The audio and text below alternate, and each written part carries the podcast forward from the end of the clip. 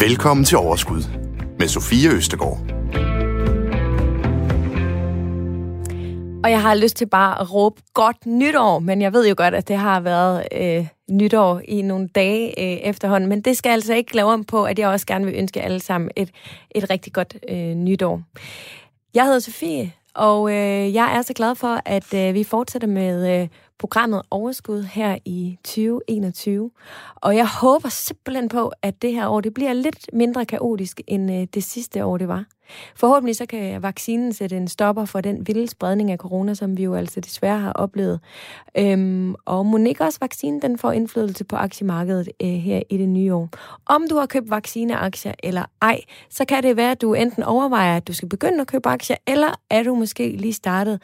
I den forbindelse har du i hvert fald gjort dig nogle overvejelser om, hvilket depot du skal have, og måske synes du også, at det er en lille bitte smule forvirrende. Jeg selv har i hvert fald været igennem tre forskellige depoter, inden jeg nu er havnet i det det, som jeg øh, har valgt nu. I dag der skal vi kigge på, hvad fordelene og hvad ulemperne er ved de enkelte øh, platforme, som vi jo egentlig måske skal kalde det. Øhm, og hvad gør man, hvis man måske gerne vil skifte?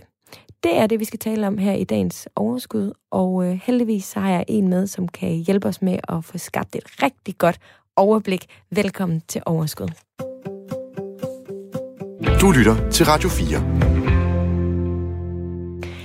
Og øh, til at hjælpe mig med at gennemgå de øh, sådan forskellige fordele og ulemper ved de forskellige platforme, som der jo findes, der har jeg besøg af den altid skarpe. du, så begynder du at blive helt... Bliver du, hvad, hvad bliver du, så Er du ikke det der stolt? Du, jeg synes, du er altid skarp, og du er i hvert fald også iværksætter, sociolog og forfatter, Sara Ophelia Møs fra Ophelia Invest. Velkommen til. Tak skal du have. Du er altid skarp. Er det ikke det? Øh, nu vil jeg så sige, at øh, jeg er udpræget B-menneske, så hvis du fanger mig inden kl. 11, øh, så er jeg faktisk ikke super skarp. Så er du ikke det? en lille smule langsom, ja. Nå. Der er min hjerne ikke sådan helt kommet op i omdrejninger. Til gengæld så fungerer den øh, spidse der ved en 10 siden om aftenen. Det kan jeg øh, nærmest slet ikke øh, forestille mig, at den ikke... Øh at du ikke er skarp tidligt på dagen. Men øh, så er det jo rigtig dejligt, at klokken den trods alt er lidt over 11. Lige præcis. og det skal jeg huske fremover. Ja, det skal du. Jeg forestiller mig, at du øh, kommer igen. Det håber jeg i hvert fald. Mm. Men, øh, men Sara, øh, du har jo faktisk været med før, og det er derfor, at jeg ved, at du er skarp. Du var med i vores øh, program, vores øh, forrygende afsnit 2, helt i starten, som øh, simpelthen var en ABC-gengang af investeringsverdens øh, mange begreber. Øh, og der er et, et afsnit faktisk, som jeg gang på gang henviser til, når, vi, når jeg laver det her program, øhm, og folk de ligesom har, øh, har spørgsmål. Øhm, og det var et fremragende program. Men nu siger vi jo 2021, og det her det er vores første program ud af jamen, 46, bliver, skulle det gerne blive til i år. Så det er meget sejt. Øhm, men inden vi når til at tale om de her forskellige platforme, så kunne jeg godt tænke mig at høre, hvordan har du det? Og hvordan bare, går det med dine øh, investeringer? Ja. øh, jamen, jeg vil sige, at øhm, mine investeringer er for så vidt gået, øh, gået fint. Jeg startede jo i 17, sådan midt 17, øh, som jo faktisk ikke er så lang tid siden. Øh, men jeg har åbenbart sådan en, øh, jeg vil ikke sige sådan en svamp eller klæbehjerne, men mm-hmm. jeg kaster mig øh, meget dedikeret ud i de ting, som jeg laver. Mm. Øh, og så får det lov til at fylde det hele. Så øh, det er gået fint med mine investeringer. Øh, nu står jeg over for at skulle øh, sælge det hele, fordi jeg skal købe noget ejendom, altså noget lejlighed. Spændende. Faktisk er der rigtig mange, der er også inde på vores Facebook-gruppe, og også skriver til mig på Instagram og sådan noget, der skriver, nu har jeg lært at købe, men hvornår skal jeg øh, sælge? Altså, og der er det jo selvfølgelig afhængigt af din tidshorisont og alt muligt andet, men, men når du nu skal sælge efter, ja, hvad, små fire år, Tænker du så i, at øh, så skal jeg finde en rigtig dag og sælge de enkelte der? Nej, nej, nej, nej, slet ikke. Overhovedet ikke. Øhm, så vil jeg jo gå ud fra, at jeg ligesom var klogere end markedet og alle de andre, der så skulle købe dem osv.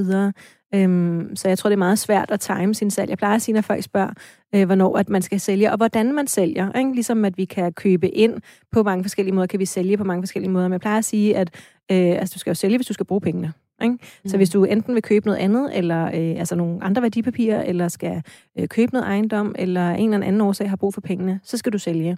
Hvis det er, fordi du ligesom er færdig med, ikke færdig med livet, men, altså, mm. men, men hvis, man, hvis det er pensionen, så skal man jo spare ned, ligesom man sparer op, så kan man spare ned, sådan så man sælger løbende, ligesom man har købt løbende gennem livet. Ikke? Ja. Øhm, så det vil være sådan de to umiddelbare svar fra mig, at hvis mm. du skal bruge pengene, eller hvis du skal altså leve af dem, så vil det være en nedsparing. Ikke? Ja. Altså, jeg gjorde det samme sidste år. Jeg solgte, mit, øh, jeg solgte alle mine øh, aktier og købte faktisk fast ejendom. Og øh, jeg gik lidt og overvejede, hvilken dag øh, jeg skulle købe, det endte med at miste 10.000 kroner. Så jeg tror, det er en rigtig god øh, strategi for dig. Men øh, hvad hedder det? Øh, Maja, der sidder ude i regien, hun har simpelthen øh, taget lidt øh, champagne med. Du har så fået vand i dit glas, men du har fået et glas. Så jeg vil godt sige øh, godt nytår, Sara, og dejligt at se dig. I lige måde. Du lytter til Radio 4. Ah, hvor dejligt. Nå, så vi skal tale om depoter i dag. Vi skal simpelthen øh, øh, forsøge at få et overblik og sammenligne øh, nogle af de forskellige depoter. Øh, men inden vi starter med det, så kunne jeg faktisk godt tænke mig at høre dig. Hvilket depot bruger du selv til dine aktier? Ja, jeg vil jo gerne kunne svare på alting, og derfor så har jeg oprettet mig øh, alle de steder, som jeg forestiller mig, at folk gerne vil vide noget om, og det, det har jeg gjort løbende. Så jeg startede på Nordnet, så åbnede jeg en, da jeg fandt ud af, hvor meget kutage jeg har betalt for alle de mange amerikanske aktier, jeg lå handlet på Nordnet, mm. så tænkte jeg, det kan jeg få billigere på Desio, en hollandsk platform, så oprettede jeg et depot der. Øh, så Saxo havde nogle øh, lidt ufordelagtige forhold for nogle år siden, hvor man for eksempel fik en strafgebyr, hvis man ikke købte noget i øh, x måneder. Øhm, så dem, dem kunne jeg ikke lige til at starte med. Og så på et tidspunkt, så lavede de så nogle bedre forhold, og lavede også et nyt interface. Øhm, og så tænkte jeg, så var det faktisk øh, attraktivt også til de danske enkeltaktier. Øhm, så jeg er alle tre steder, Nordnet, Saxo og Desio, ja. som er sådan de tre platforme, der har sådan samlet set udgør det, vi har brug for, i min optik. Det er sjovt, fordi jeg har øh, også været hele vejen rundt, men af helt andre årsager end dig. Hvor du jo, som jeg kan høre, gør det for at kunne formidle, så har jeg simpelthen gjort det, fordi jeg ikke satte mig ordentligt ind i det fra starten. Og det bliver jeg simpelthen nødt til at være ærlig omkring. Øh, jeg startede med DiGiro, og øh, så var jeg omkring Nordnet, og nu er jeg øh, landet øh, ret trygt og rart øh, ved Saxo. Øh, men jeg har faktisk, for at være helt ærlig, øh, ikke overblikket over, hvad de forskellige de kan. Jeg ved, hvorfor jeg rykket lidt rundt, øhm, og derfor glæder jeg mig rigtig meget til øh, at høre dig fortælle øh, om det i dag, og det ved jeg, der er mange andre, der også gør, for det er faktisk et spørgsmål, som jeg får ret ofte. Hvordan vælger jeg øh, et øh, depot? Så øh, hvis vi skal prøve lige at springe ud i det, så kunne jeg godt tænke mig øh, at ligesom tale om, hvad, hvad, hvad kalder vi det her? Altså, fordi der er nogle, nogle steder står der investeringsplatform, der står depot, depotudbyder, der står handelsplatform, der står bank, online, børsmæler. Altså, alle de her begreber er noget, man støder på, når man først begynder sådan at forsøge at researche, hvor, hvor starter jeg, når jeg skal handle med aktier. Øhm, og, øh, og skal vi ikke prøve lige at, at, at definere, altså i dag, der kalder vi det for en platform. Er det, det rigtigt? Jo, og det gør vi jo, fordi øh, I spurgte mig jo, inden vi startede her, ikke? Øhm, og det gør vi, fordi at det er det, som de fleste kalder det. Øh, I virkeligheden, så er det jo en børsmaler. Ja. Ikke? Øhm, og så kan det være en online børsmaler, eller det kan være en, sådan, den traditionelle børsmaler, hvor at det bliver mere fysisk, for eksempel i banken. Ikke? Mm. Øhm, platform, det er jo den, vi går ud og handler på, så i virkeligheden så er det jo bare en del af øh, den online børsmaler, selve platformen, fordi depotet ligger også hos børsmaleren. Ja. Så, øhm, og, og det, det er, er lidt, hvilken, hvilken dør vi tager ind til ja, børsen. Ja, det, ikke? ja, altså jeg plejer at sige platformen, altså det er jo egentlig øh, online-butikken, hvor vi går ud og handler. Ikke? Ja. Det er der, vi kan kigge på varerne. Kan du prøve at kategorisere dem lidt i forskellige typer? af platform, der ja, eksisterer. Ja, så øh, altså, det, det mest traditionelle, det er jo bare øh, banken. Det var jo der, hvor at vi alle sammen øh, købte aktier. Nu, det gør jeg så ikke, fordi jeg kom først i gang med det, efter at øh, den tid ligesom var slut. Men, men det var jo det første. Det var jo den, altså banken, øh, når det er Jyske Bank, øh, Danske Bank osv. Så, videre. så der, hvor vi ligesom havde vores øh, penge og vores konto, der kunne vi så også handle aktier. Øhm, så, så det vil være det første sted. Øh, og så er der så fordele og ulemper ved det. Ikke? Øhm, så er der øh, online-børsmalerne, de danske online-børsmalere, som Nordnet og Saxo, og så er der så de internationale spillere. Øh, og der har jeg øh, kun snakket om det Shio, og det er også det, vi øh, primært vil gøre i dag. Ikke? Øh, men der er også, øh, lad os sige, sådan, den nye kul af internationale spillere, som prøver at slå igennem på forskellige små øh, gimmicks. Mm. Altså, vi øh, er jo rigtig mange øh, hobbyinvestorer, kalder vi os selv. Ikke? Øhm, og, øhm, og, og vil du, altså nu siger du, der kommer hele tiden nye, og, og man kan alt muligt øh, forskelligt. Altså, er det helt grundlæggende den gode taktik at finde den rigtige fra starten af, og så ligesom blive der, Jeg tror, det måske er meget svært for os at finde den, altså at finde ud af, altså at vurdere, hvilken en, der er den rigtige for os, mm. fordi at øh, øh, Nordnet og Saxo, de har jo hver deres fordele og ulemper, øh, og, og såvel også, øh, lad os sige, Danske Bank, ikke? Øhm, og det Shio, så de har alle samme fordele og ulemper, og inden vi begynder at investere, så kan det være rigtig svært at vide, hvad er det, jeg kommer til at interessere mig mest for? Jeg havde for eksempel lagt en, øh, en stor forkromet strategi om, at jeg skulle købe en tredjedel aktivt forvaltet fond, en tredjedel passivt forvaltet fond og en tredjedel enkelt aktier. Og så havde jeg valgt, øh, at Nordnet var det gode sted at gøre det, og jeg skulle i øvrigt være super langsigtet. Efter meget, meget kort tid, da jeg så var gået i gang med at investere, fandt jeg ud af, det er slet ikke mig. Mm. Altså, jeg er ikke langsigtet i noget som helst af det, jeg gør og under for i resten af mit liv. Øhm, tværtimod, ikke? Jeg flytter hver gang, jeg har boet et sted halvandet år, fordi nu keder jeg mig med at se på det område. Ikke? så det der med at tænke, at jeg så skulle være super langsigtet, det holdt bare ikke. Øhm, og så fik jeg øh, super interesse for de amerikanske aktier. Og så fandt jeg ud af, at så var Nordnet ikke smart. Så det her med, øh, jeg synes, at man skal være villig til at være lidt tålmodig med sig selv, øh, måske det første år eller to år, og sige, det kommer til at koste lidt penge, at jeg måske starter på et depot, og så skifter det ud senere, køber nogle aktier, skifter dem ud senere. Øhm, men det er jo en, ligesom vi skal lære at gå og lære alt muligt andet, skal vi også lære os selv at kende som investorer. Så det, jeg vil sige, det er rigtig svært at lave, at træffe de rigtige valg fra ja. starten af. Kan det øhm, nogle gange være en fordel at have for eksempel sin aktiesparekonto et sted, og en anden, et, altså have, have flere forskellige depoter? Ja. Okay. Dejligt. skal jeg uddybe det nu, nej, eller nej? det skal du overhovedet ikke. Nej. Men det synes jeg egentlig er meget rart tanke ja. at have med, når vi nu du gennemgår... Du har ikke gjort noget forkert endnu, Nej, det, åh, det er godt. Nej, men jeg synes, det er ret øh, fint egentlig at have det med, når vi gennemgår det nu her, at vi lige har øjnene op for, at jamen, hey, måske er det faktisk... En kombination. En kombination ja. af, af forskellige ting. Så øh, nu synes jeg simpelthen, at vi skal springe ud i det. Yes. Du lytter til Radio 4. Det gør du og det gør du til øh, det program, der hedder Overskud. Jeg hedder Sofie Østergaard, og jeg har Sara Ophelia Møs fra Ophelia Invest med her i studiet. Og nu skal vi simpelthen springe ud i en gennemgang af de forskellige depoter. Og det første kriterie, som jeg godt kunne tænke mig, at vi taler om, det er simpelthen øh, gebyrer. Mm, det er også et rigtig godt sted at starte. Er det ikke det? Jo. Fordi det er jo, altså, det, det er vigtigt. Og for nogle er det afgørende. Mm. Så mere end bare vigtigt, men afgørende. Ja. ja. Så øhm, hvad er vigtigt at have fokus på, når man skal kigge på gebyrerne? ja. på de forskellige platforme? Der er, der er en stribe forskellige gebyrer, så det, det første, vi møder, det vil være depotgebyret. Så det gebyr, vi betaler simpelthen for at have depotet. Øh, og et depot, det er bare en konto med et konto og et registreringsnummer, og så kan der bare ud over at ligge kontanter også ligge værdipapirer. Ja. Så et depot er ikke et eller andet underligt øhm, fiksfakseri, som nogen har fundet på noget. Altså, det er en konto med et kontoregistreringsnummer helt nede på jorden, mm. som vi kan lave en overførsel til fra vores normale konto, som har sit eget kontoregistreringsnummer. Ikke? Så bare sådan for lige at få det helt ned øh, på jorden. Ikke? Øhm, så et, et depot er faktisk en depotkonto. Øhm, og der kan være et gebyr for at have den her konto. Det er der hos nogen, øh, og det er der ikke hos nogen andre. Så det vil være det første sted, man ligesom kunne øh, træffe et valg. Øhm, så er der kortage, som er et fancy ord for handelsomkostninger. Øh, og sådan er det på meget øh, med det her felt, at øh, enten så har de fået et eller andet mega fancy ord, eller også så kalder de den samme ting for syv forskellige ting, ligesom med, øh, med børsmælerne og platformen her. Ikke? Mm. Øhm, så, så, ja. Og jeg vil faktisk sige, når vi kommer til netop kortage, så bliver jeg sat en lille bitte smule af. Fordi det er så forskelligt ja. på, om du handler det ene, eller om du handler det andet, og det er det, det. Og der, ja, og der, der, der kan man sige, at man har både, øh, typisk har man både en minimumskotage, det vil sige, at uanset hvor meget du køber for, så skal du betale x kroner, og typisk er det omkring 29 kroner. Øh, så selvom du køber for, øh, du ved, om du køber for 100 kroner, eller for 8 kroner, eller for 10.000 kroner, så skal du betale 29 kroner i kortage. Som minimum, så vil der så ligge en procentsats oven på det, som også kan variere lidt fra, fra platform til platform.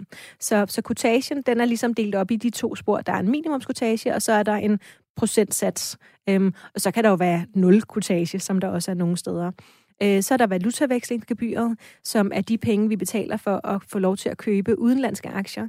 Så når jeg køber, eller når du køber en amerikansk aktie, Øhm, så, øh, så går vi ind, og så køber vi den bare, og så tænker vi, nu brugte jeg lige mine danske kroner til at købe en amerikansk aktie, og så tænker vi ikke mere over det. Men i den proces, så er vores danske kroner blevet vekslet til amerikanske dollar, øh, så er der blevet handlet, den dag vi sælger igen, så kommer de amerikanske dollar ind på vores konto, som så med det samme bliver vækstet til danske kroner. Og det her valutavekslingsgebyr Øhm, det kommer i spil hver gang, medmindre vi får en underkonto til de forskellige valutaer, som vi ligger og handler i. Og der kan man også spare nogle penge. Særligt det er alle, vil sige, alle former for gebyrer er på nær depotgebyret primært relevant, hvis vi handler en del. Hvis vi køber en aktie hver tredje måned, altså et, en samling aktier hver tredje måned, eller øh, ind i en fond eller et eller andet hver anden måned, så skal man måske ikke hænge sig så meget i både, hverken valuta eller kortage. Øh, så er det bare vigtigt, at vi får Hvor meget investeret. skal man op og handle, før du synes, man skal hænge sig i det? Åh, det ved jeg ikke. Hvis man nu sidder og laver 10 handler om måneden, eller, øh, eller måske 5 om måneden. Det kommer ja. også lidt an på, hvilken valuta det så måske er, man, man ligger og handler i, eller gør det. Jamen, øhm, ja. ja. Så altså, man, men så skal man gøre det du ved, så det, hvis man sidder og hygger sig med det, hvis mm. man synes, det er fedt, og det er sjovt, og det er spændende, øh, spændende at lære noget nyt og så videre, så skal man gøre det, hvis man gerne vil bruge noget tid på det. Hvis man bare gerne vil være investeret, mm. du ved, få 100 kroner til at blive til 107, uden at arbejde for det øh, ja. hver år, øh, og ikke ellers er interesseret i det, og gerne bare vil øh, have det i gang, og så aldrig kigge på det igen, så skal man ikke gå op i de der ting der. Øh, så til alle dem, der synes, at det er sjovt, øh, og gerne vil bruge tid på det, så kan man begynde at sætte sig ind i de ting. Ja, så det var, jeg tror, det var sådan de mest, øh, altså depotgebyr, kortage og valutaveksling. Ja. Øhm, det vil være sådan de hovedgebyrerne. Mm. Mm. Kan du lige have lidt champagne der? Ja. Mm. det er vigtigt. Mm. Øhm, ja, men skal vi så prøve at kigge på dem, hvis vi ja. taler om de forskellige ja, så depotgebyret, ja. ja. lad os starte øhm, med depotgebyret. Ja, ja. Øhm, så hvis man handler hos de øh, traditionelle banker, altså dem jeg nævnte, Nordea, øh, Almindelig Brand og så videre, øh, faktisk lidt i tvivl om Almindelig Brand, fordi de, de overtog en øh, platform fra Saxo. Det kan være, de har beholdt nogle andre forhold der. Men ellers så alle de andre traditionelle banker, der vil der være et depotgebyr. Og hvis vi for eksempel tager øh, Jyske Bank, Danske Bank osv., så, så det kan svinge sådan noget fra 600 kroner om året til 3.000 kroner om året. Wow. Og alt det handler jo kun om, at vi har kontoen. Vi har ikke gjort noget med det nu, vi har kontoen. Øhm, Ja, og så kan det, du ved, så kan det være afhængigt af, hvor mange papirer vi har liggende, altså mange værdipapirer, mange udenlandske aktier osv. Så, så, så de her depotgebyr, øh, det der egentlig er interessant der, det er, at øh, der vil være en eller anden form for depotgebyr hos de traditionelle banker. Hos online-børsmalerne er der ingen depotgebyr. Og så spurgte jeg bankerne, hvordan ja. kan det være, at I ikke også sløj for det? Fordi det er jo, altså, det er jo konkurrenceulempe, kan man sige, ja. ikke? at man allerede der adskiller sig.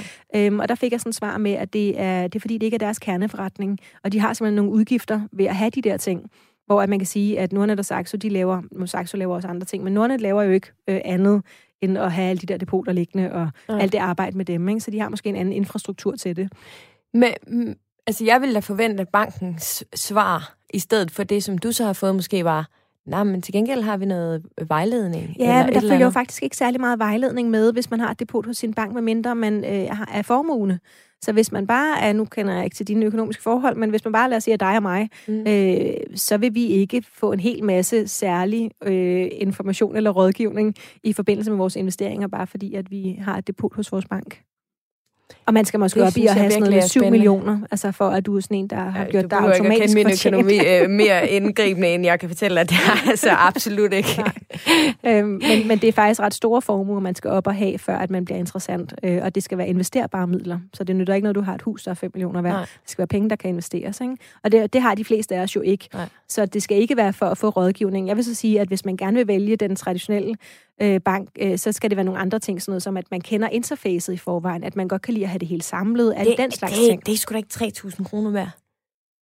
Det er det måske for nogen, det der ja, med at lære en ny platform at kende. Jeg er sådan rimelig teknikblank, øh, og det der med at lære en platform at kende, altså det er sådan noget, der kræver energi af mig. Ja. Øhm, altså, så, så det vil jeg sige, det kan godt være, at det måske er 600 kroner værd. Det er jo ikke sikkert, at man ja. lige har den bank, hvor det koster 3.000. Nej, det er rigtigt. Og ja. der er vi jo heldigvis forskellige, men det, ja. det er, jeg, synes, jeg, jeg er faktisk lidt overrasket over, at at der er så stor forskel. Ja, jeg plejer så også at sige, når jeg, når jeg holder foredrag, at øh, det her det er faktisk et sted, hvor man godt må prutte om prisen.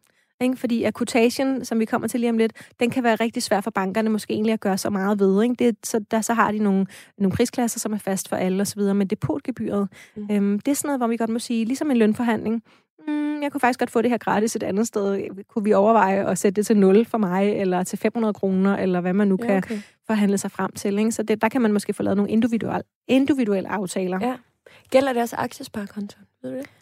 Øh, jeg tror ikke, der er noget depotgebyr på en aktiesparekonto nogen steder. Det ville i hvert fald være øh, dumt af dem. Ja. ja øhm, det, jeg er ret sikker på, at der ikke er depotgebyr på aktiesparekontoen. Der er jo også et, et meget lavt altså grænse for, hvor mange penge man må sætte ind. Mm. Så det vil næsten være urimeligt. Altså, hvor man kan sige, at hvis du har en depotkonto, hvor der står 2 millioner, og du så betaler øh, det ved ikke, 2.000 kroner om året for at have den, det kan du måske leve med, ikke? Men på aktiesparekontoen må du jo kun have 100.000, Mm. og det bliver altså, som det ser ud, nu bliver det ikke hævet nogensinde. Ja. Øhm, så, så der Tror vil det være... Øh, det tror jeg faktisk ikke, nej. Okay. Ja, men, men hvis... hvis øh, Planen er stadigvæk, ikke, at de hæver den. Nej, De nej, har nej. trykket det tilbage? Yes, planen er, at de ikke hæver det. Okay. Okay. Arne, Arnes pension, øhm, det var der, den, øh, den røg. Det var der, den røg? Ja. Nå, okay. Men de kloge siger faktisk også, at aktiesparekontoen slet ikke er særlig attraktiv, fordi den jo er lagerbeskattet osv. Så, Ja. så der er, den, den skaber i virkeligheden måske for mange flere problemer, end den laver gode løsninger. Og der kan man jo øh, gå tilbage faktisk og høre vores øh, program. Det er bare mig, tror jeg, der husker forkert.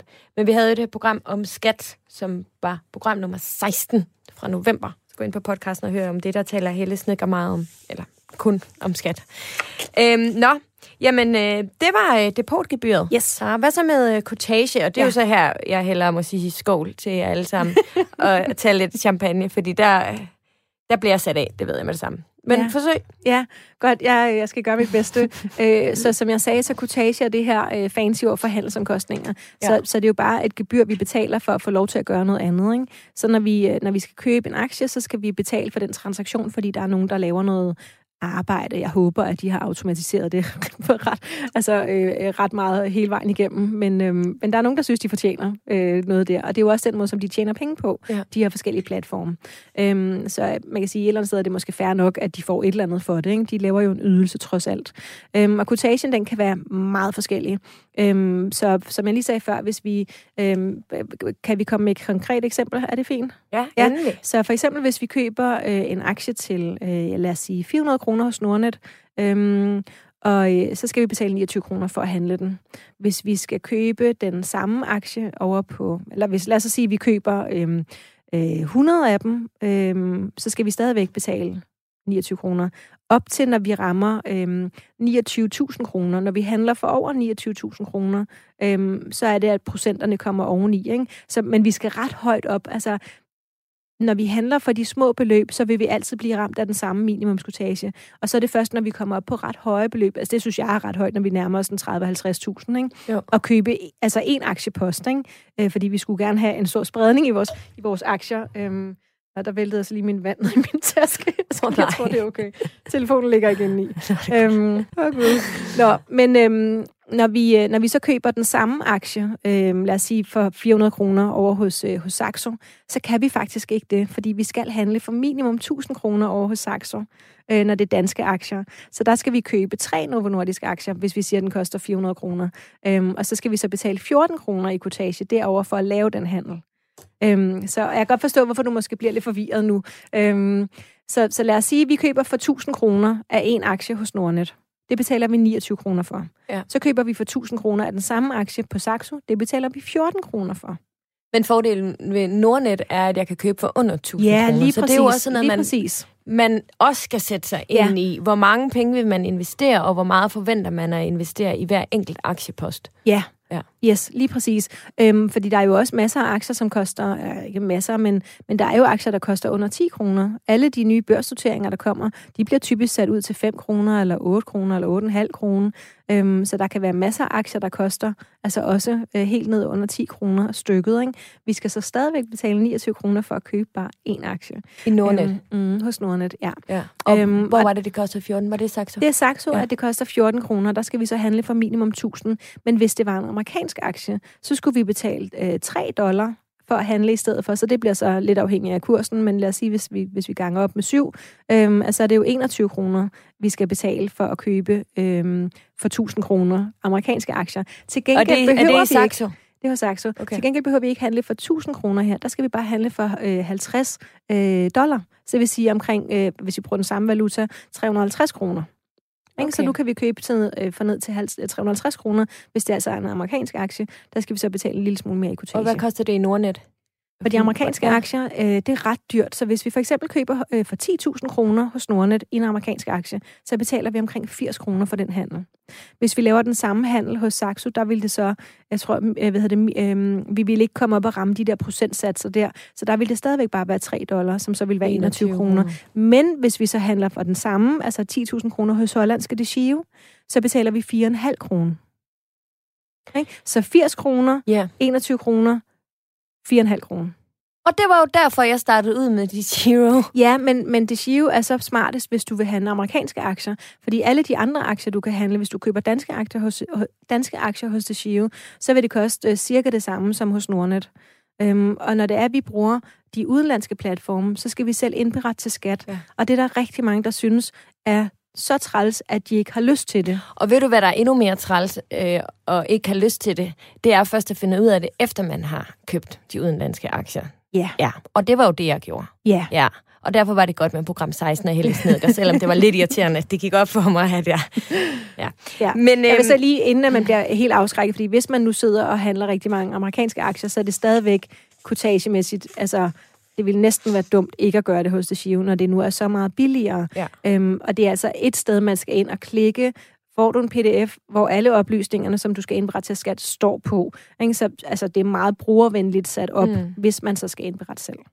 Men igen, så lyder det også som om, at vi, altså, man skal huske på, hvor ofte vil du købe. Ja. Fordi hvis det kun er en enkelt eller fem gange, du vil købe år. nogle, ja, Ja. så er det måske ikke besværet værd. Slet ikke. Altså, Slet ikke. og selvfølgelig også med beløbet. Hvor meget vil du købe for? Ja. Altså, hvor meget betyder det, om det koster 4 kroner, eller om det koster 21 kroner for den enkelte handel? Ja, vi skal huske, at det er jo også, at når vi sælger igen, at vi betaler det samme. Ikke? Så Ja. hvis vi tager hele ordrens levetid, eller hele handlens levetid, så er det jo ikke bare 80 kroner, men 160 kroner versus 42 kroner versus 9 kroner. Ja. Ikke? Så det, det er ret store forskelle. Da jeg øh, skiftede over til det Shiv, der var det fordi, at jeg var inde på Nordnet, og formentlig øh, en lille smule tilfældigt, at det lige skete der, fandt ud af øh, sådan mine samlede omkostninger til kutage det år. Det har formentlig så været må- måske omkring årsskiftet der mellem 17 og 18, og fandt ud af, at jeg havde brugt 5.000 kroner på kutage. ja det er tænker, også "Ej, mange det er penge. godt nok mange penge, ikke? Altså, Ja. ja. lige, øh, alt andet lige. Ja. Og så tænker jeg, det dur ikke. Over på det shiv. Ja, det kan jeg godt forstå. Ja, det var så øh, kortage handelsomkostninger. Ved vi, hvad det er? det så billigere i banken, forestiller man Nej, sig, når øh, banken depotet, vil, øh, gebyret de- ja. Ja, det, det er, det kunne man så tænke, at når man så får mm. vi noget, øh, du ved, vinder lidt på det ene og taber Præcis. på det andet. Men nej, nej, det er det slet ikke. Øhm, så quotation, der har man prøvet at matche det, som øh, den ligger på hos Nordnet. Så øh, de fleste steder, der vil den ligge på de samme, altså 29 kroner for en, en handel med nogle danske aktier. Okay. Ja, så det, det er svært lige entydigt at sige, hvilken en af dem, der så er bedst, men der må man jo så ligesom vurdere sine behov ud for de ting, du, øh, du ja, forklarer og, og det, ja, og, og det vi kommer ind på lidt senere også, ikke, med de overordnede fordele og ulemper. Ja. Øh, så, så hvis du sidder derhjemme og ikke er klar endnu på en beslutning, Ah, så ja. kommer vi jo tilbage til mere. Der er heldigvis cirka en halv time tilbage i programmet, og det, dem er jeg sikker på, Dem at vi får vi. Yes. brugt øh, Ja. i allerbedste, på allerbedste vis. Så lad os lige vende valutavekslingsgebyr. Så øh, hvis man ligger og handler mange øh, udenlandske aktier, øh, og gør det på øh, Saxo eller Nordnet, så kan man lave en underkonto i den øh, pågældende valuta. Så det kunne være for eksempel øh, amerikanske dollar. Øh, så går du ind på, øh, hvis det er på Saxo, så går man op i den lille, der sidder sådan en lille ludo mand op i hjørnet, klikker på ham, ned og finde noget øh, kontakt med Saxo, altså kontakt, og så... Altså, jeg kan simpelthen... Ja. Øh, nu, nu tager jeg lige min telefon. Ja, det kan jeg se. Ja, så, I, så du siger, jeg kan simpelthen på Saxo gå op og lave en underkonto. Ja, i amerikanske, øh, altså US dollar, eller ja. euro, eller svenske kroner, eller norske kroner, hvad du nu ligger og handler meget. Spændende. Ja, jeg er faktisk i tvivl, om man kan gøre det på appen. Jeg siger jo til alle, jeg møder, at de skal slette appen, og lade være med at gå rundt og kigge på deres depot hele tiden, fordi vi kommer til at handle meget mere, end det er fornuftigt. Men det er jo skidespændende. Ja. Ja. Godt.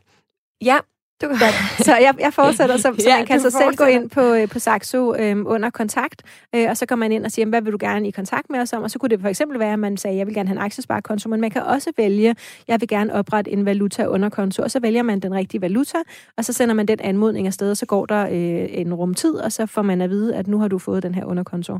Og så vil, der, øh, vil det være sådan, at fremover, så, når du så køber øh, en udland, altså en, en, en amerikansk aktie, så gør du det med dine danske kroner, øhm, så bliver de vekslet indekset til US dollar, så køber du aktien den dag, du sælger, så bliver, øh, kommer de der US dollar ud, men nu har du jo fået den her valuta underkonto i US dollar, så nu bliver de ikke vækstet tilbage til danske kroner, nu bliver de bare stående i US dollar, og næste gang du så gerne vil købe en amerikansk aktie, så tager den din US dollar og bruger først, og så er det kun, hvis den har brug for flere penge, at den lige tager resten i danske kroner og veksler dem.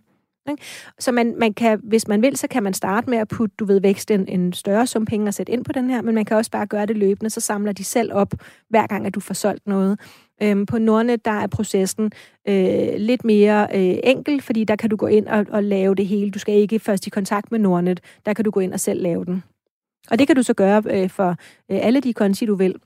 Og det, der er lidt fedt, øh, jeg har set det især på Saxo, øh, når du så går ind og gerne vil købe en amerikansk aktie, men står i dit normale depot, så siger den, hey, kunne du have lyst til måske at handle den fra dit øh, US dollar depot i stedet for? Og så kan man så sige, ja, det vil jeg faktisk gerne. Tak fordi du minder mig om det.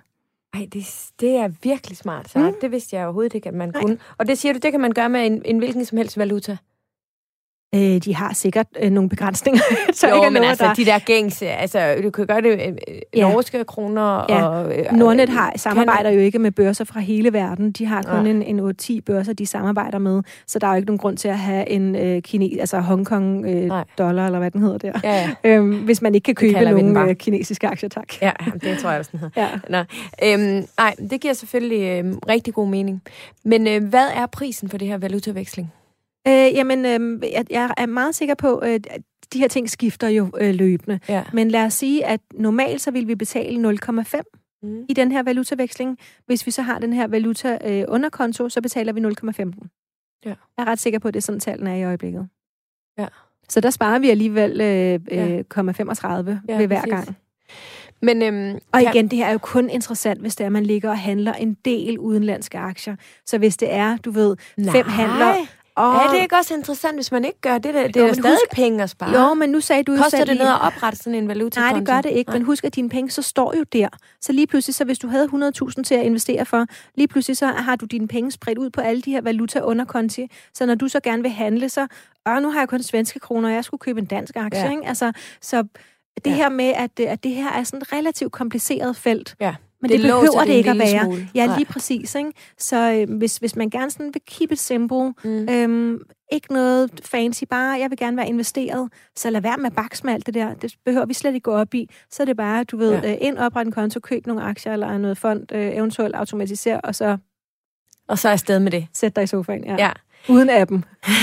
ja, ja, det, ja, jeg kan altså godt lide min app, ja, ja. Men, men jeg forstår, du mener. Øhm, gør de Giro, kan man også det ved uh, de Giro? Eller øh, er der noget jeg... med, hvis man køber mange danske ved de Giro, er det så et problem, fordi det er et hollandsk? Er der noget valutaveksling, et eller andet der? Øhm, øh, jeg har lyst til at sige nej. Øh, jeg har ikke forsøgt at oprette nogen valuta underkonto der, fordi at, øh, det jo kun giver mening for de amerikanske aktier. Jeg har faktisk heller ikke forsøgt det med de amerikanske aktier. Det er ikke mm. noget, der bliver snakket om nogen steder. Der er ikke nogen, der har efterspurgt det, så det har jeg nej. slet ikke undersøgt. Nej. Øhm, Nå, men fordi jeg tænkte, var det ikke netop de Giro, hvor man kunne handle amerikanske jo, aktier billigt? Jo, jo. Der vil jeg gerne være der svar skyldig. Jamen, ja. det kan jo være, at en, en lytter eller yes. andre lige kan undersøge det, og så, ja, så skrive til mig. Så kan yes. jeg tage det med i et fremtidigt program. Yes. Godt, jamen øh, så kom vi omkring depotgebyr, og valutavekslingsgebyr. Øh, Hvad med, hvordan ser det ud, den sidste her valutavekslingsgebyr i bankerne? Det må øhm, jo også bare være... Altså... Jeg tænker ikke, at vi kan få lov til at oprette en valuta underkonto der, og det vil være Nej. mit bedste bud. Øh, og det er ret standardiseret, de der valutavekslingsgebyrer, øhm, når vi ikke har øh, underkontiene. Øh, der, der ligger de og følger de samme gebyrer, ligesom de har øh, standardiseret den der minimumskotage på omkring 29 kroner. Det giver jo meget god mening. Øhm, jeg har jo skrevet i vores øh, Facebook-gruppe, øh, hey, vi laver et program om de her depoter. Skriv lige øh, til mig, så vi kan få flere stemmer på, hvorfor du har det depot, du har, og om du er glad for det. Ikke? Og der er der en masse, der har skrevet. Blandt andet har øh, Løkke skrevet, øh, jeg har Nordnet, der er 0 kroner i depotgebyr, lav kortage, nemt at navigere rundt på og finde regnskabstal til min mini-fundamental analyse. Derudover vil jeg gerne holde mine investeringer fri fra min daglige økonomi i banken, og ikke bruge bankens investeringsplatform, som min bankrådgiver foreslog. Så der er en helt skarp opdeling med min daglige økonomi og mine langsigtede planer om økonomisk uafhængighed. Det kan jeg jo godt følge hende i, det der med at adskille det fra, fra den daglige øh, økonomi. Ja, der er jo så bare det der øh, med, at quotation skulle være lav hos Nordnet, og det er den faktisk ikke. Øhm, quotation er ret høj hos Nordnet, men mindre man bruger øh, et specifikt produkt, som jeg ved, vi kommer tilbage til. Okay. Så Månedsopsparingen. Ja. Yes. ja, men det var det, du sagde med, at ja, quotation ikke nødvendigvis var, var lav. Så det kan faktisk være Lykke, hun lige skal Det er ikke nødvendigvis, altså den Nej, er høj. den er høj. Ja, ja. og igen... Nu, Lykke, den ja, er høj.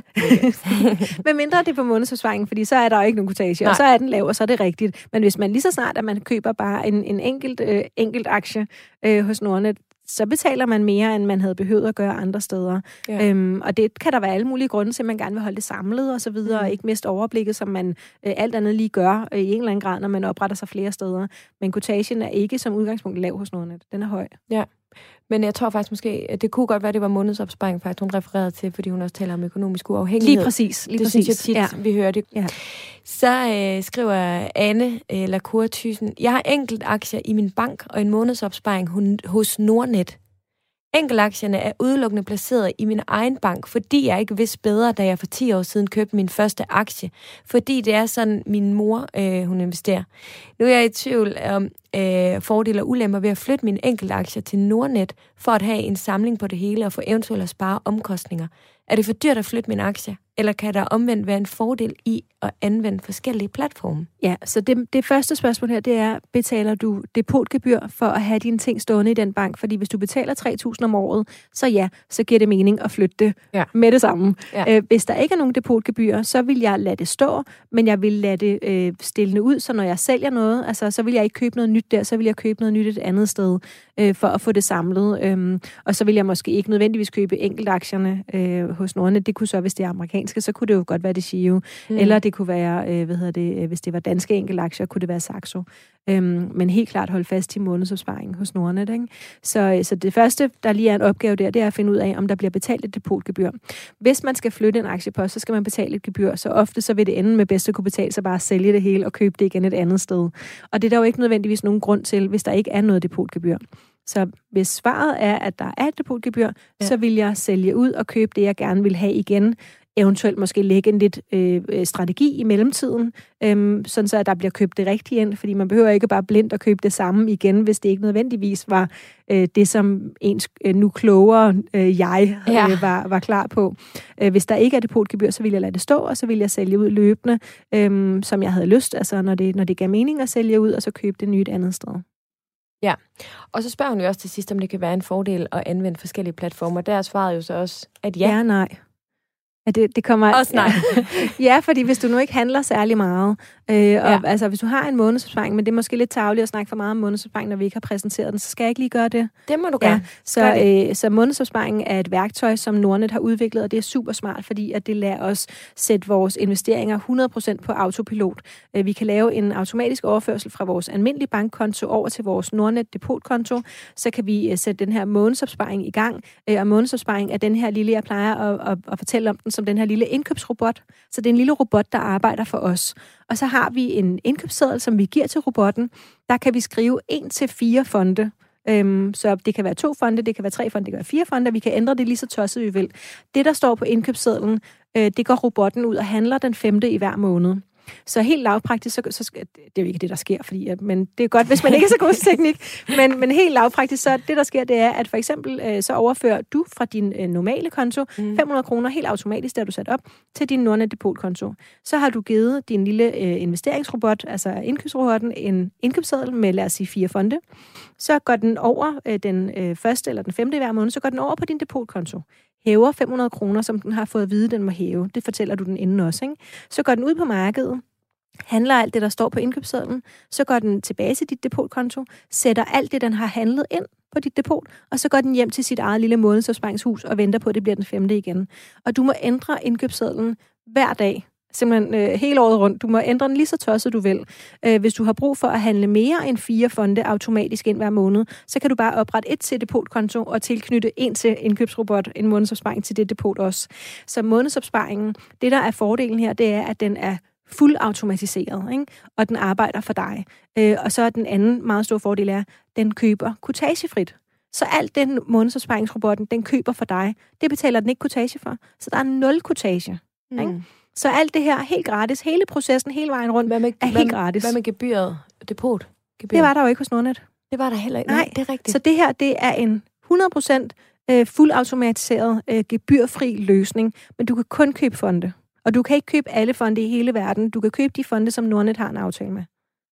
Hvad er... Øh, altså, du ved, man Der er ikke nogen og catch. catch. Er du sikker? Ja, ja. ja.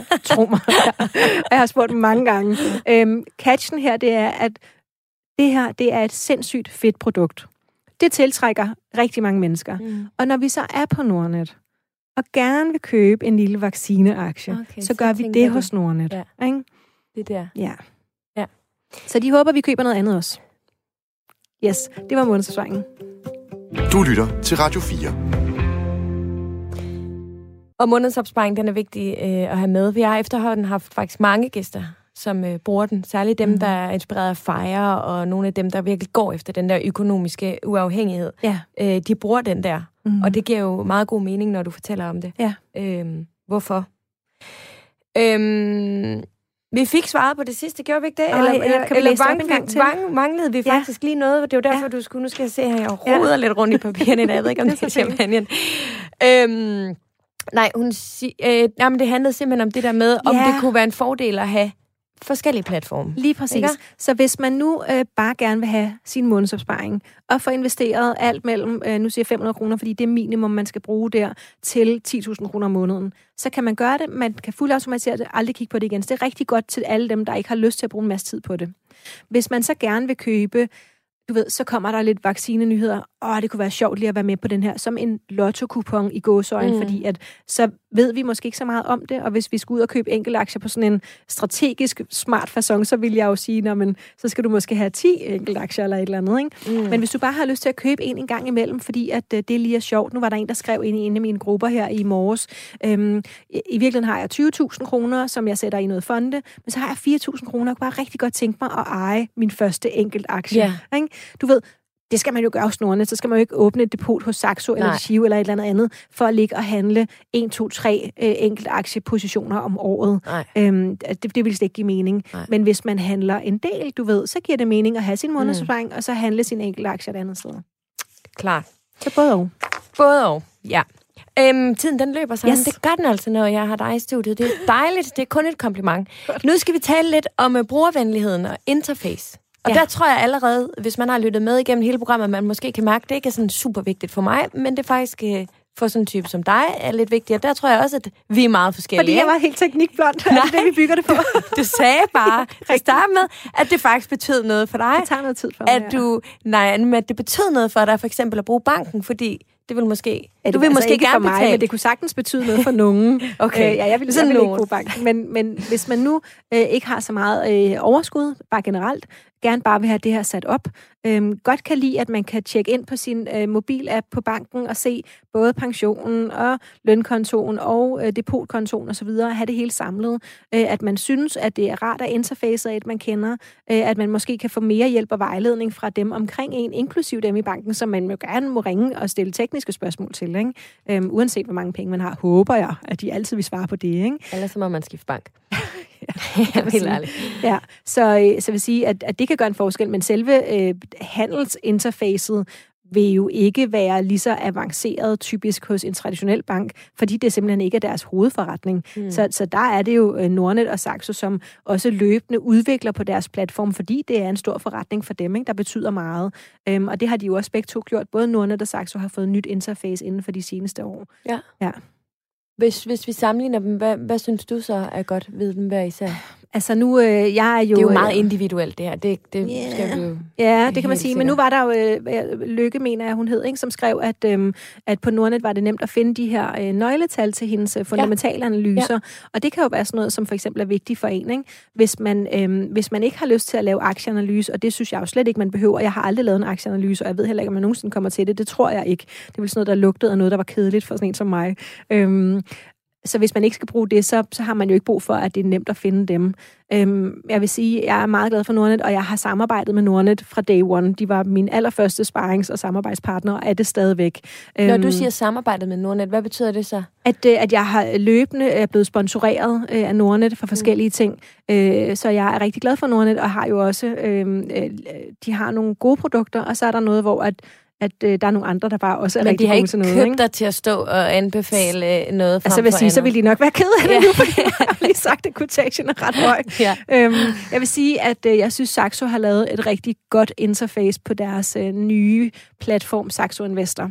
Øh, det var helt håbløst med de to andre, som jo også var lavet til henholdsvis professionelle og semi-professionelle. Ja. Øh, det her sorte noget med en hel masse grafer, altså det stak helt af op i mit Jeg kunne slet ikke forstå det. Øh, og så lavede de en, som var lavet til begyndere. Øhm, og den, øh, den synes jeg er ret fin øh, og meget, meget nem at bruge. Øhm, ja, så ved jeg, at der er mange, der er glade for Nordnets øh, nye interface og det kan være igen, at det er min teknikblondhed. Øh, nu havde jeg lige lært den gamle at kende. øhm, så øh, jeg bryder mig ikke om, at tingene skifter, når det er sådan noget teknik. Øhm, har Nordnet, når man skal logge ind, har de sådan face? Øh... Nej, det Nej, tror jeg ikke. det har de nemlig ikke. Og ved du hvad, det var faktisk en af grunden til, at jeg er på Saxo i dag. Ja, det kan være små ting, der gør det. det. Var, Saxo kan bare lige hoppe op, bum, så er jeg inde på mit uh, depot. Ja. Nogle der skulle stede tast. Det kan godt være, det tager 15 sekunder, men det var besværligt. Ja, altså så hvis man er lidt glad for at komme ind og kigge på appen øh, Jamen, lidt, lidt, for, lidt for hurtigt, som, som jeg fornemmer, du er. Ikke? Jeg vil så lige sige igen, at jeg, jeg i den grad fraråder, at man har en app på sin telefon øh, med sine investeringer. Jeg har ikke min mail og sådan noget. Men ja. jeg har min investeringsapp. Ja, men det kan også være, at det går over med et års tid, at du bliver, du ved, øh, at, at så fylder det lidt mindre for dig. Jamen, det fylder helt klart mindre allerede nu, end det gjorde. Altså, nu har jeg investeret i, hvad er det, halvandet år siden, jeg hoppede på. Ikke? Mm. Øh, og jeg er helt klart, men det er også fordi, jeg altså ikke har haft Jeg har næsten lige købt ind igen, jo, fordi jeg jo også solgt ud i, i efteråret. Ikke? Men der skal, nu, hvis jeg lige må sige, en, en, her i weekenden, øh, jeg tror, det var i weekenden, der skete der det, at øh, Saxo lavede en eller anden opdatering. Og, øhm, og det fandt jeg kun ud af, fordi at der så øh, øjeblikkeligt er der en hel masse, der skriver inde i grupperne, jeg, det, det ligner, at jeg har 0 kroner på min Saxo-konto. Hvad sker der? Ja. Øh, og så skrev der så hurtigt en helt tråd, bam, bam, bam, bam, bam. Du ved, at andre, der havde det samme. En veninde, iværksætteren, skriver en sms til mig, Saxo står for 0. Hvad handler det om? Og sådan, ro på. Ikke? alle sammen bare ro på. Øh, vi er dækket af øh, indskudsgarantifonden. Øh, de aktier, vi ejer, ejer vi uanset, hvordan det går med platformen. Og øh, alt andet lige er det meget usandsynligt, at Saxo er blevet hacket og har taget alle pengene fra alle de små ja. konti, uden at vi vil få noget at vide øh, fra Saxo med det samme, eller fra ja. DR.dk øh, eller et eller andet. Ikke? Jo, god pointe. Ja. Øhm, Jill, jeg skriver faktisk også ind på vores Facebook-gruppe, jeg, jeg har Nordnet, øh, da jeg som ordblind har brug for en brugervenlig platform, øh, og det synes jeg, at Nordnet er. Ja, der kan så, du se, så der er jo masser, vi som har jo synes, mange forskellige, at, øh, ja. ja. Og mange forskellige behov også. Ja. ja. Øhm, ja, Jamen, øhm, det er jo egentlig, øh, ja, altså kan man gå ind og melde sig til, uden at sætte penge ind, og så bare lige surfe lidt rundt på de forskellige platforme sagtens, for at finde sagtens. ud af. Ja, øh, og det, det synes jeg med fordel, man kunne gøre på både Nordnet og Saxo, øh, uanset hvilken en man ender med at bruge senere, fordi at Øhm, der var på et tidspunkt, hvor man skulle sætte øh, 10.000 kroner ind på Saxo for at oprette en konto, men, øh, men det har de sløjfet. Øh, og de har jo forskellige fordele og ulemper, også øh, bare sådan noget screeningsværktøjer og sådan noget. Så, øh, så der er ikke noget til hinder for, at man har en, øh, en konto begge steder, og så kun bruger den den ene. Du lytter til Radio 4. Der er øh, under 10 minutter tilbage, men øh, øh, inden vi... Øh, Inden vi slutter, så synes jeg, det er rigtig vigtigt at komme forbi det, der ligesom hedder ydelser øh, og begrænsninger, ja. har jeg valgt at kalde ja. det. Ikke? Øhm, så lad os starte lidt med, med, med forskellige øh, ydelser, ja. som, som de... Øh, ja. ja, så for eksempel øh, aktiesparekontoen har jo fyldt rigtig meget, og så kan man have alle mulige holdninger til, om det er smart eller ikke er smart, og den bliver jo også beskattet anderledes end andre depoter osv. Men hvis vi bare antager, at man øh, har fundet frem til, at man gerne vil have en, så kan man pt. Øh, ikke oprette en hos Nordnet, men det kan man hos Saxo. Så der har Saxo en ydelse, som vi ikke har adgang til hos Nordnet. Men, Hvordan kan det være, ved du det? Øh, ja, det ved jeg godt. Det var fordi, at øh, da de startede aktiesparekontoen, der måtte man kun sætte 50.000 kroner ind. Mm. Det var et politisk projekt. Øh, hvis det gik godt, så ville man øh, løfte til 100.000, 150.000, 200.000 over fire år. Ikke? Ja, så den ville, den ville starte på 50 og slutte på 200. Øh, Nordnet ville, øh, og der tænkte jeg, at de var ret fremsynede, de ville gerne lige se tiden an. Fordi det koster rimelig mange penge at udvikle sådan et nyt produkt på en platform. Mm. Ikke? En hel masse udviklingskroner, så er der noget, der skal stige i pris et andet sted. Ikke? Øhm, så de vil gerne lige se tiden an, fordi det var et politisk projekt. allerede på andet året, hvor den skulle være steget til 100.000 1. januar, den steg først hen over sommeren til 100.000. Ja. Nogle få måneder senere, så beslutter partierne, at øh, Arne aktiesparekontoen... skal have pension. Ja, så aktiesparekontoen skal ikke stige til 150.000 Mm. Et halvt år senere. Den skal faktisk slet ikke stige mere. Den skal bare slutte på 100.000. Så jeg synes, det var øh, en lille smule fremsynet øh, at sige, vi vil gerne lige se tiden an og se, om de her fire partier også bliver enige om 2, 3 og 4. Ja. Og det gjorde de jo så faktisk ikke. Øhm, nu har de så alligevel besluttet, at de vil gerne have en aktiesparekonto, og den kommer ud, har jeg lige fået at vide, i slutningen af 2021 Okay, hos Nordnet. Yes. godt nok. Og Så- de Giro er der jo selvfølgelig ingen aktiesparekonto hos. Nej, det er der ikke. Øhm, men det Giro har så en anden, en anden ting, der ligner månedsopsparing. Så hvis vi tager månedsopsparing som det næste, det er en ydelse eller et værktøj, som man kan få hos Nordnet. Man kan ikke få noget tilsvarende hos Saxo. Man kan få noget, der lugter lidt af det samme hos det Giro, hvor du kan få lov til at købe en ETF kortagefrit om måneden. Bare til dit almindelige depot? Ja. Ja. Okay. Så, så det, det, det vil være en anden, øh, en, en anden, et andet sted, hvor at man kan få noget det ene sted, som man ikke kan få det andet sted. Så er der sådan noget med, øh, hvor mange børser, øh, hvor mange børser er der adgang til. Hos Nordnet er der de her 8-10 børser. Der er New York Stock Exchange, der er de nordiske, der er en tysk børs, der hedder Xetra. Men hvis jeg gerne vil købe en aktie, der er noteret på børsen i London, så kan jeg ikke handle den hos Nordnet, medmindre at jeg ringer ind, øh, og så skal jeg måske betale øh, 200 kroner i kortage, fordi så skal jeg jo have en til at sidde og arbejde for mig. Ikke? Og det, jeg, jeg forstår ikke, hvorfor det er sådan. Det er fordi, det, Er det koster fordi, de rigtig har- mange penge at lave en aftale med en børs. Okay. Og igen, hvis Nordnet skulle har have aftaler... deres hver Lige præcis. Hvad er det, som vi typisk Mm. mm. gerne vil købe? Hvor er det, vi typisk gerne vil købe noget? Øh, når vi kan handle på den amerikanske børs, så kan vi handle rigtigt, altså på New York Stock Exchange, øh, forkortet NYSE. Øhm, der kan vi handle rigtig mange ting. For eksempel kan vi handle øh, kanadiske aktier. Vi kan, du ved, der er rigtig mange aktier, der udover at være noteret i deres hjemland, også er noteret på den amerikanske børs. Så vi Mhm. får adgang til rigtig meget. Og hvis vi så gerne vil købe noget i euro, så kan vi så gøre det på den tyske børs, etc. Øhm, der har Saxo så en, øh, en meget større øh, ramme, hvor at jeg, øh, jeg tror, det er sådan noget 36 børser. Så alt, hvad man kan forestille sig, at vi gerne vil handle. Jeg tror faktisk, grunden til, at jeg endte med at oprette et depot hos Saxo, at den dag det skete, det var, fordi jeg gerne ville købe Tencent, som er en kinesisk aktie.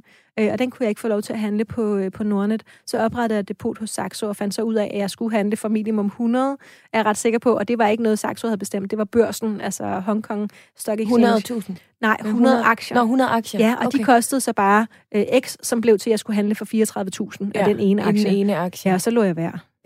Ja. Det havde sikkert været en god forretning i dag, men det skal jeg ikke spekulere i. Nej, nej, det Ja. skal du bare Så fuldstændig glemme. øhm, hos Deshiv, der har vi også adgang til, øh, til alle, alle børser. Nogle af de der nye internationale spillere, som øh, for eksempel øh, eToro Markets osv., øh, der, nogle af dem har et meget begrænset udvalg af danske aktier for eksempel. Så er der måske kun en, en håndfuld eller to håndfulde aktier, øh, som vi kan handle der. Ikke? Så det kunne også være noget, hvor at, at der er nogle, nogle begrænsede muligheder øh, fra, fra sted til sted. Mm. Ja. Altså, øhm, nu, nu siger du selv i Toro. Øhm, hvad, hvad, er, hvad vil du sige om den? Ja, altså, så de er her det et internationale, godt- øh, ja, godt- de, de internationale spillere, øhm, det man skal være, øh, det som jeg i hvert fald øh, privat er en lille smule opmærksom på, øh, og jo så også på alle mulige andres vegne, det er, at når man går ind på en platform, der skriver på forsiden, øh, at øh, 75-85 procent af alle, der handler certifikater, mister alle deres penge. Hvis man har brug for at have sådan en disclaimer på forsiden øh, af ens platform, øh, så betyder Står der det... virkelig det? Ja, det gør der. Øhm, så betyder det, at der er rigtig mange, der handler det produkt, og rigtig mange, der handler, eller hvad hedder det, taber de penge. Øh, og det er derfor, at de disclaimer det så øh, aggressivt, fordi de skal jo have deres på det rene, så når folk kommer Ja. grædende og siger, nu har jeg mistet alle mine penge. Ja, men det sagde vi også, at der var stor risiko for. Ikke? Øhm, så, så når man skriver det, så tænker jeg, at så er det fordi, man tjener mange af sine penge på certifikathandel. Øh, og jeg vil aldrig opfordre private til at handle med certifikater, fordi det bare er et mere avanceret produkt i forhold til at handle en, øh, en aktie, som vi kan håbe på bliver går fra 100 kroner til 200 Mm. mm. kroner over en rumtid. Lige før der sagde du, at man på DiGiro har adgang til alle børser. Ja, mange, næsten, mange børser, ja. ja ikke? Men altså, jeg oplevede, da jeg havde DiGiro, at der så var ETF'er og nogle Og ting, du fonde og sådan noget, som jeg ikke kunne... Ja, øh, Ja. Og noget af det kan godt være lidt svært at finde, og det kan det faktisk også godt på Saxo nogle gange, og for så vidt også på Nordne, der var også en, der skrev, at jeg vil gerne købe øhm, og Nio eller et eller andet. Mm. Øhm, kan, den kan jeg ikke finde, og så var der en anden, der bare delte et link. Det der er et lille tip, et lille pro-tip her. Ja. Øhm, hvis man googler aktiens navn, og så googler platformens navn, så får man typisk øh, i Google et af de første tre hits der, øh, som vil være øh, linket direkte til den aktie på den platform. Øh, hvis man så vel at mærke er logget ind, måske det skal man være på nogle af dem. Ikke? Ja. Øhm, af en eller anden årsag, så kan nogle produkter være svære at finde på de forskellige platforme. Jeg har ikke nogen for, fornuftig forklaring på det, men det kunne være en, en måde at finde den ja, på. men det er en, en virkelig god, øhm, god idé.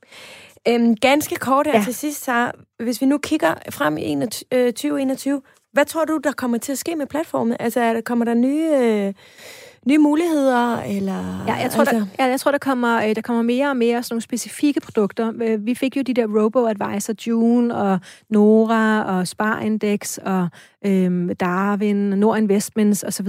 Dem fik vi øh, for nogle år siden. Ikke? Så kom de der robotrådgivere, og nu kan du investere ned til 100 kroner, og det er meget, meget nemt, og du kan bare bruge en app og så videre. Det var lige noget for dig. Ikke? øhm, og øh, sådan tror jeg, der kommer flere og flere sådan nogle nicheprodukter. Øhm, det kunne være øh, noget bæredygtigt, øhm, Øh, Doland øh, er ude med, med noget, det er ikke i gang endnu, men med noget bæredygtig investering. Øh, så jeg tror, der kommer flere og flere sådan nogle nicheprodukter, øh, hvor at du kan investere igennem en eller anden app eller platform, hvor at de håndterer øh, måske også handlerne og det, og det hele, så har de typisk en aftale med en, en platform som Saxo, men så hedder den så deres eget navn på forsiden. Øh, så der ligger et handelsapparat nedenunder, men så har man lagt et eller andet ovenpå, som har et tema. Så sådan noget tror jeg, der kommer mere og mere. Jeg tror ikke, vi får nogen øh, store platforme, ligesom Nordnet og Saxo, øh, eller dem bankerne har. Jeg tror ikke, at der mm. for så vidt nødvendigvis kommer konkurrence på det felt, men øh, hvad jeg sådan har været ude og snakke med øh, løbende, så, så kommer der en del af det andet. Hvis jeg må sige en enkelt ting, bare mm. sådan lige et minut her. Så hvis man nu er lidt i tvivl... Halv minut. Okay, hurtigt. Hvis man er i tvivl, så øh, helt kort. Hvis man gerne vil købe fonde, så er Nordnets månedsopsparing et ideelt valg. Er det øh, skandinaviske enkeltaktier, Saxo et ideelt valg, er det amerikanske aktier, det Shio et ideelt valg. Og så er der alt muligt in between, øhm, og man må gerne have mere end et depot et sted. Jamen, det var jo en genial afslutning. Godt. Det var jo det, jeg egentlig skulle have til sidst. Bare have... Her kan vi lige lave et overblik, og så kom det bare sig yes. selv. Men det er jo fordi, at du er den, du er, og så pissehammerende god til øh, at fortælle og formidle. Tak, så Så øh, Sara, Ophelia Møs, tusind tak for besøget. Selv tak. Det var endnu en gang en øh, fornøjelse. Jeg øh, linker lidt øh, rundt ind på Facebook, tror jeg, og så prøver vi at skrive lidt fordele og ulemper ved de forskellige øh, depoter. Men øh, dagens program er simpelthen slut. Du skal huske, at du altid kan finde mig på min Instagram eller inde på vores Facebook-gruppe, som jo hedder Overskud Radio 4. Ude i afviklingen, der sad Maja Christine Grønbæk, og øh, programmet det er tilrettelægt af Maja og af mig, og det er produceret af Body Body for Radio 4. Vi lyttes ved i næste uge, og det vil jeg glæde mig til. Tak for i dag.